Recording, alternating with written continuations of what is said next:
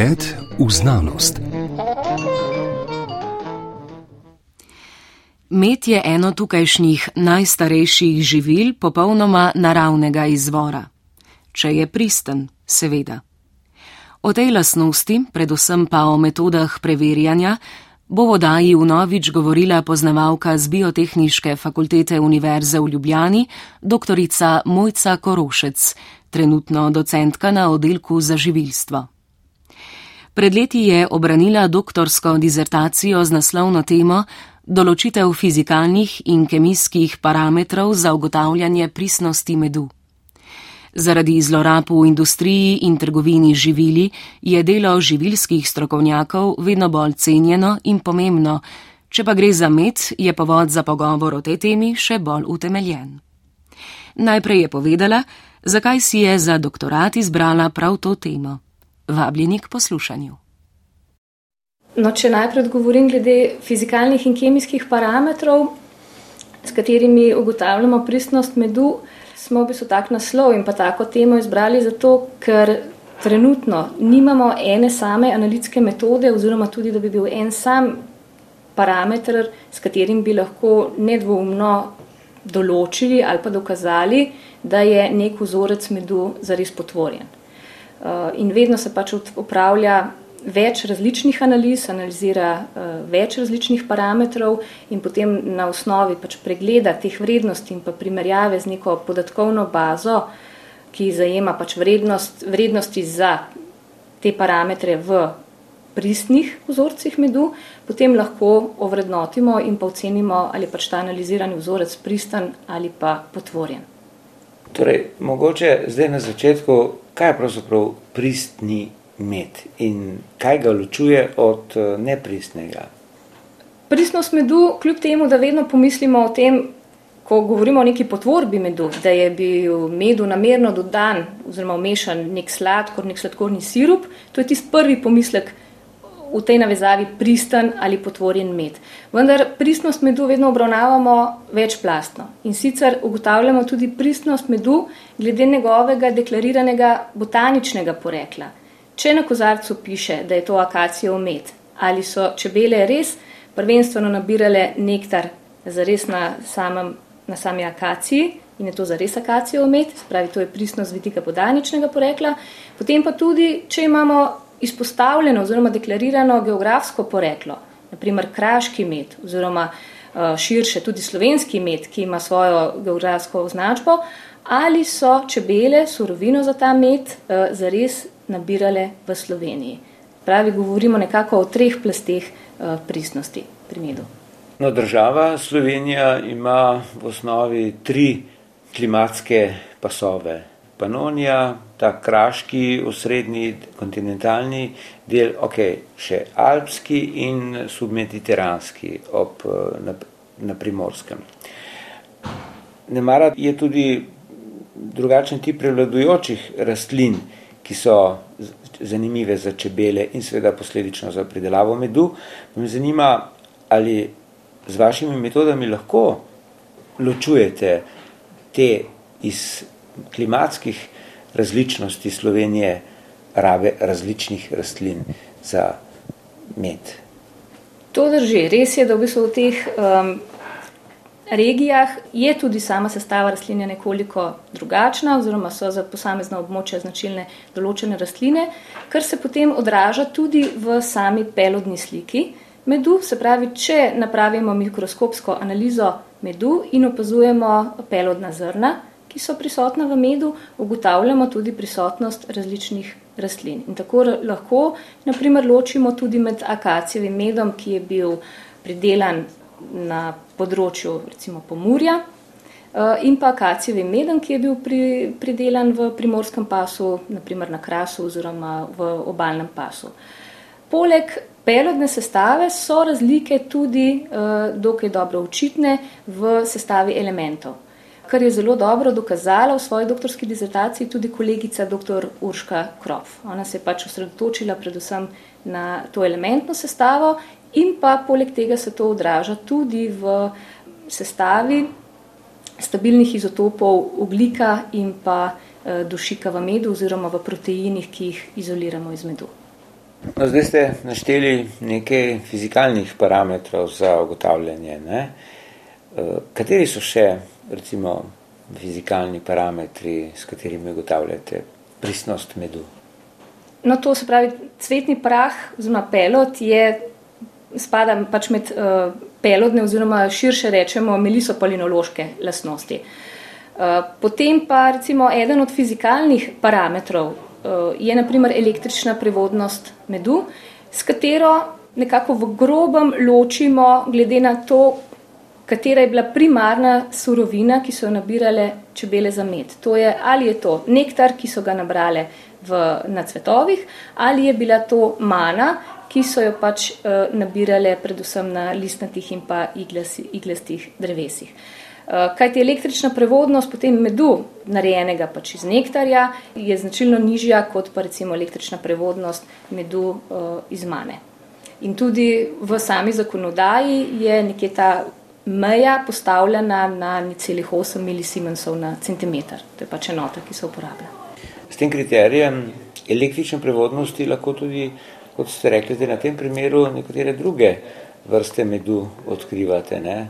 Recimo, ali je to, rekli ste, menili ste akacijo med, ne? zdaj seveda tukaj je še, znani so gozni med, tukaj so še eh, posebni drugi medovi. Tukaj, to se pravi, za vsak med je določena neka specifična električna prevodnost. Tako je, ja, drži. V bistvu vsako vrsto medu, ali pa želimo si, da bi čim več vrst medu, se pravi tiste, ki jih potem tudi deklariramo kot neko botanično vrsto, moramo čim bolje poznati. To pomeni, da moramo čim bolje poznati njihove fizikalno-kemijske parametre in pa območja vrednosti za vsak ta parameter. Znano je, oziroma vemo, da naprimer akacijo med vsebuje zelo malo snovi, ki prevajajo električni tok, zato je pač njegova električna prevodnost zelo nizka. Če povem številko, nekje tam od nič celih, lahko tudi manj kot nič celih en milisiemens na centimeter, pa okvirno do nekje nič celih 25 milisiemensov na centimeter. Medtem ko je naprimer za postanje v med značilno, da ima uh, zelo visoko električno prevodnost, en milisiemens na centimeter, uh, lahko tudi več. In naprimer že pri kontroli električne prevodnosti oziroma primerjanju električne prevodnosti nekega medu, ki je deklariran kot kostanjev med, potem pa njegova prevodnost neznačilno nizka, nam to lahko že pokaže oziroma je to lahko že nek pokazatelj, da je pa ta med mogoče botanično narobe deklariran. Potem se pa pač naredi še kakšne še dodatne analize, zato da lahko ta svoj sum potrdimo ali uh, ovržemo. Naprimer, pri, za določene vrste medu, ki imajo izredno značilne tudi senzorične lastnosti, ne samo aromo, von, taka sta naprimer kostanjev med, za katerega je značilna grenkoba, lahko to zelo hitro preverimo tudi z nekim šolanim panelom s pomočjo senzorične analize kemijskih parametrov se še nisva eksplicitno lotila, mogoče jih nekaj predstavila. Kemijski parametri v medu so naprimer sestava ugljikovih hidratov, oziroma tukaj gre predvsem za monosaharida, fruktozo in glukozo, potem so prisotni disaharidi, trisaharidi, lahko tudi še kakšen tetrasaharid.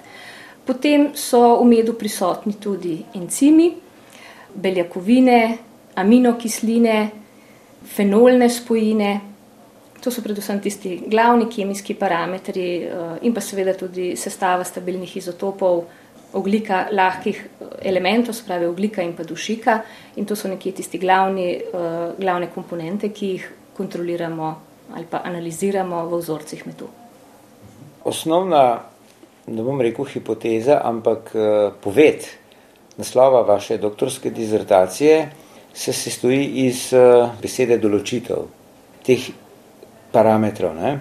Zdaj, ali ste se vi pri tej študiji opirali na obstoječe seveda metode analize, ali ste odkrili kakšne nove načine, ali ste samo opisali pač obstoječe? Mi smo v svoji raziskavi uporabili obstoječe analize, se pravi za take, ki so že nekako preverjene, akreditirane, uporabljajo jih tudi drugi laboratoriji, recimo in v Evropi in po svetu. Seveda je bilo, pa, je bilo pa treba tudi marsikatero metodo, naprimer analizo oglikovih oziroma samih sladkorjev v medu, prilagoditi sami aparaturi, ki jo imamo tukaj na fakulteti na razpolago. Tako da tukaj gre potem za kakšne take manjše modifikacije. Sicer pa so bile uporabljene te metode, ki, so, ki se nekako uporabljajo za samo analitiko medu. Seveda pa Ker tako kot sem že prej v začetku povedala, da z eno samo analizo in pa z določanjem enega samega parametra v medu ne moremo ugotoviti, ali je med pristan ali je potvorjen, smo seveda upravili veliko število analiz različnih teh parametrov, um, ovrednotili količine teh komponent v medu oziroma spojin v medu. In potem sama določitev se navezuje na to, da smo potem s pomočjo uh, Eh, multivariatne statistične analize določili oziroma izbrali tiste parametre, ki najbolje odražajo oziroma najbolje pokažejo, če je nek med eh, potvorjen. Oziroma z njimi pač najbolj zanesljivo to dokažemo. Ali te metode določitve omenjenih parametrov zagotavljanja pristnosti medu lahko opravljate na aparaturah, ki jih premorate tu na biotehnički fakulteti oziroma v vaših laboratorijih? Večino analiz smo res upravili uh, tukaj v naših laboratorijih, se pravi na naši fakulteti. Poleg tega pa smo sodelovali tudi še uh, strokovnjaki oziroma raziskovalci iz inštituta Jožef Štefan in sicer uh, je bila na inštitutu upravljena elementna analiza in pa potem na drugem odseku tudi analiza stabilnih izotopov lahkih elementov, spravi oglika in pa dušika v samem medu in v proteinih izoliranih iz medu. Tako da tukaj je šlo vseeno za sodelovanje tudi med inštitucijami, eh, ki smo ga vzpostavili že v okviru nekaterih prejšnjih projektov in ga nadaljujemo tudi še sedaj. Eh, sicer pa na vaši katedri oziroma okviru same fakultete, biotehničke fakultete Univerze v Ljubljani, ni nacionalnega referenčnega laboratorija za to področje. Ne. Ta referenčni laboratorij je na Kmetijskem inštitutu, ne. vi seveda z njimi sodelujete, na nek način tudi pri izpopolnevanju metod. Upišite malo ta sistem nadzora nad živili, dobro, tukaj govoriva o medu, ne mara sistem nadzora nad pristnostjo živil enotno organiziran tu v državi. Mogoče bi to sliko malo okvirno vsaj predstavili, da si lahko predstavljamo, kako deluje nadzor. Eno so metode, ne, drugo je pa pač ta, rekel, organiziranost eh, aplikacije teh metod. Ne. Skratka, mora obstajati nek laboratorij, referenčni, omenil sem že, kateri je nacionalni, No, pri tem moram povedati, da je naša inštitucija v prvi meri pač inštitucija, ki ima svoj, eh, svoje izobraževalno poslanstvo in pa seveda tudi upravljamo različne raziskave. Sodelujemo tudi v raziskovalnih projektih. Ja, in kar se tiče medu, nimamo pa akreditiranih metod oziroma akreditiranega laboratorija, ki bi potem imel uradni oziroma nekje tudi, bomo rekli, na sodišču, potem tisto veljavnost ne, eh, naših rezultatov. Kljub temu, da uporabljamo metode, ki so enake, kot jih uporabljajo tudi akreditirani laboratoriji. Ampak pač tukaj je še vseeno akreditiran laboratorij, mora prestati pač neko zunanjo presojo, ki tudi ugotavlja, ali ta akreditacija drži oziroma se upravlja vse s tistimi zahtevami in pa standardi, ki veljajo za tako pooblaščeno inštitucijo. Uh, tako da na področju medu samim kmetijskim inštitutom, naprimer, smo sodelovali pri izobraževanju njihovega osebja na področju senzorične analize medu, sicer pa fizikalno-kemijske analize ostankov, akaricidov upravljajo na tej inštituciji, potem pa nekatere druge analize, recimo tudi ostanke, ostanke zdravil, ostanke antibiotikov v medu, pa upravljajo tudi druge inštitucije, seveda, ki imajo akreditirano metodo in so pač z tega vidika tudi pooblaščene za to. Ali v Sloveniji obstajajo vse potrebne, bodi si ustanove, referenčni laboratoriji in raziskovalna oprema za ugotavljanje pristnosti živil. Ker slišal sem, da eh, neke analize je potrebno, predvsem v zvezi z medom, še vedno pošiljati v nek referenčni laboratorij v Nemčiji. To drži.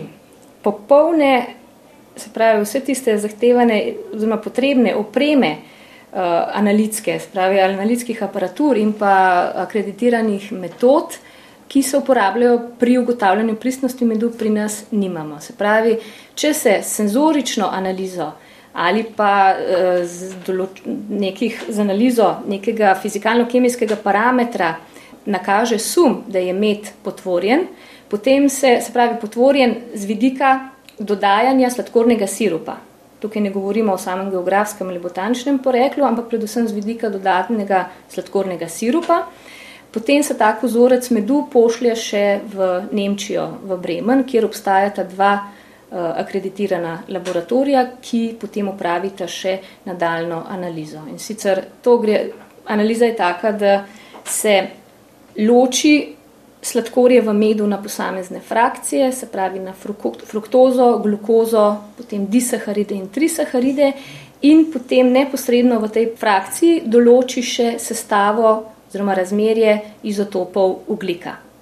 To je pač nekoliko bolj sofisticirana metoda, ki je pač zaradi same aparature pri nas ni na voljo. In pa potem, ker pri proizvodni nekaterih sirupov uporabljajo tudi uh, encime, ki v samem medu niso prisotni, se pravi za, encime za razgradnjo škro, škroba, naprimer um, koruze, uh, do same fruktoze, glukoze in pa potem še ostankov saharoze, disahari, drugih disaharidov, se ugotavljajo tudi uh, prisotnost tujega encima, imenuje se fruktofuranozidaza in tudi me, uh, metodo za ugotavljanje tega encima imajo pač akreditirano, validirano v teh dveh laboratorijih. Koliko je po vašem mišljenju in seveda vedenju in poznavanju v politikah Evropske komisije oziroma načrtovanih raziskavah, kot vemo, je zdaj aktualna ta naslednja perspektiva ne, do leta 2020, torej to je to, kar je nadaljevanje sedmega okvirnega programa, pa me zanima, koliko je interesa v okviru teh načrtovanih vlaganj v raziskave za to vaše področje, torej ugotavljanje pristnosti, konkretno medu v najnem primeru, v tem pogovoru, ali pa širše za neka ključna živila.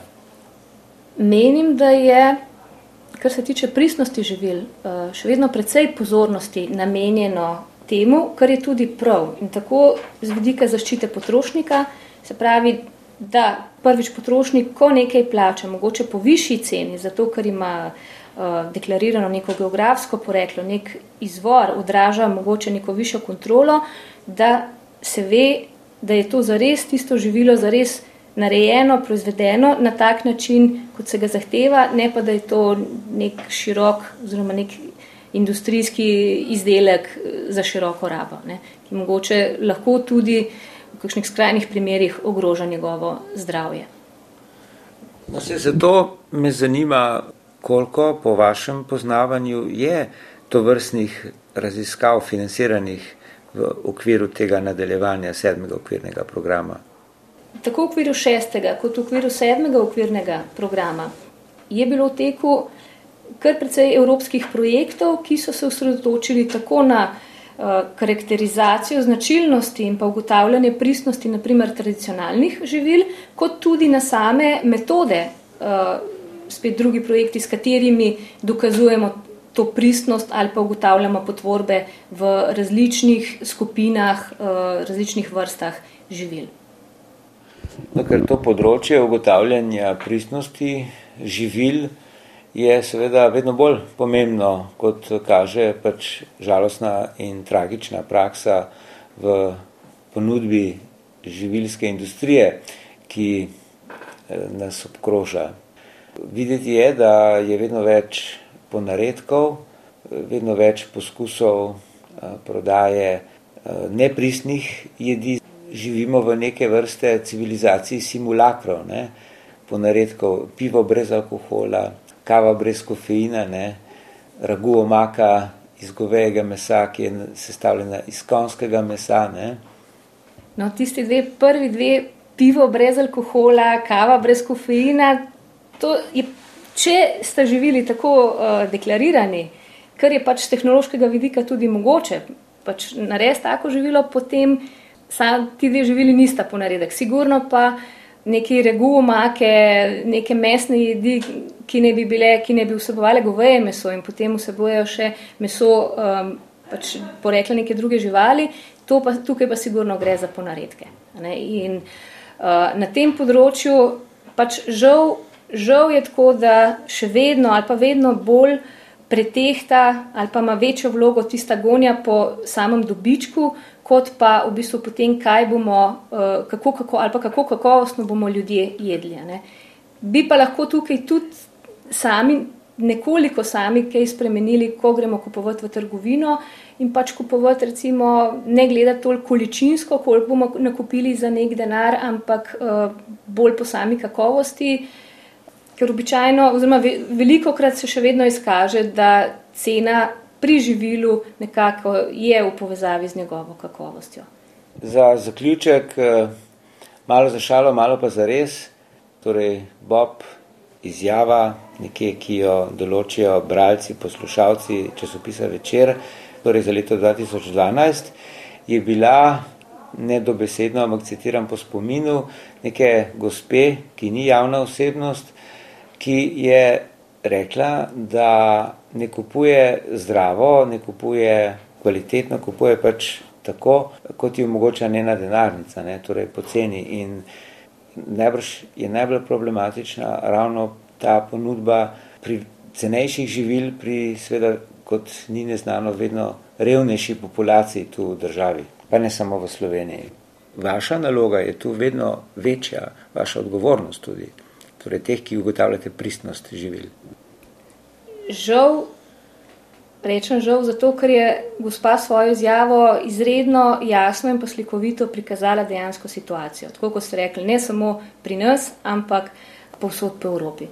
In zato je res, da je izredno pomembno, da se in same proizvajalce, tukaj imamo pač v Sloveniji to srečo, da na naši fakulteti uh, veliko sodelujemo tudi s čebela, samo čebelarsko zvezo in pa preko nje tudi samimi čebelari pri izobraževanju. Uh, tudi čebelarska zveza ima vzpostavljen interni sistem nadzora, kontrole čebelarske prakse in tudi samega medu, ki ga čebelari pridelajo. In v bistvu to je en tak dober primer uh, nekje že kontrole kakovosti od same proizvodne, pa potem tudi samega živila, ko je recimo embaliran tudi v kozarcih. Kar je izredno pomembno, se pravi, da gre ta kontrola in pa samo izobraževanje že od začetka naprej. Seveda v velikih industrijskih sistemih se pa marsikaj izgubi oziroma marsikakšna luknja vedno najde, nažalost. Tehnična izvedba Vojko Kokot, oddajo pa pripravlja in ureja Goran Tenze.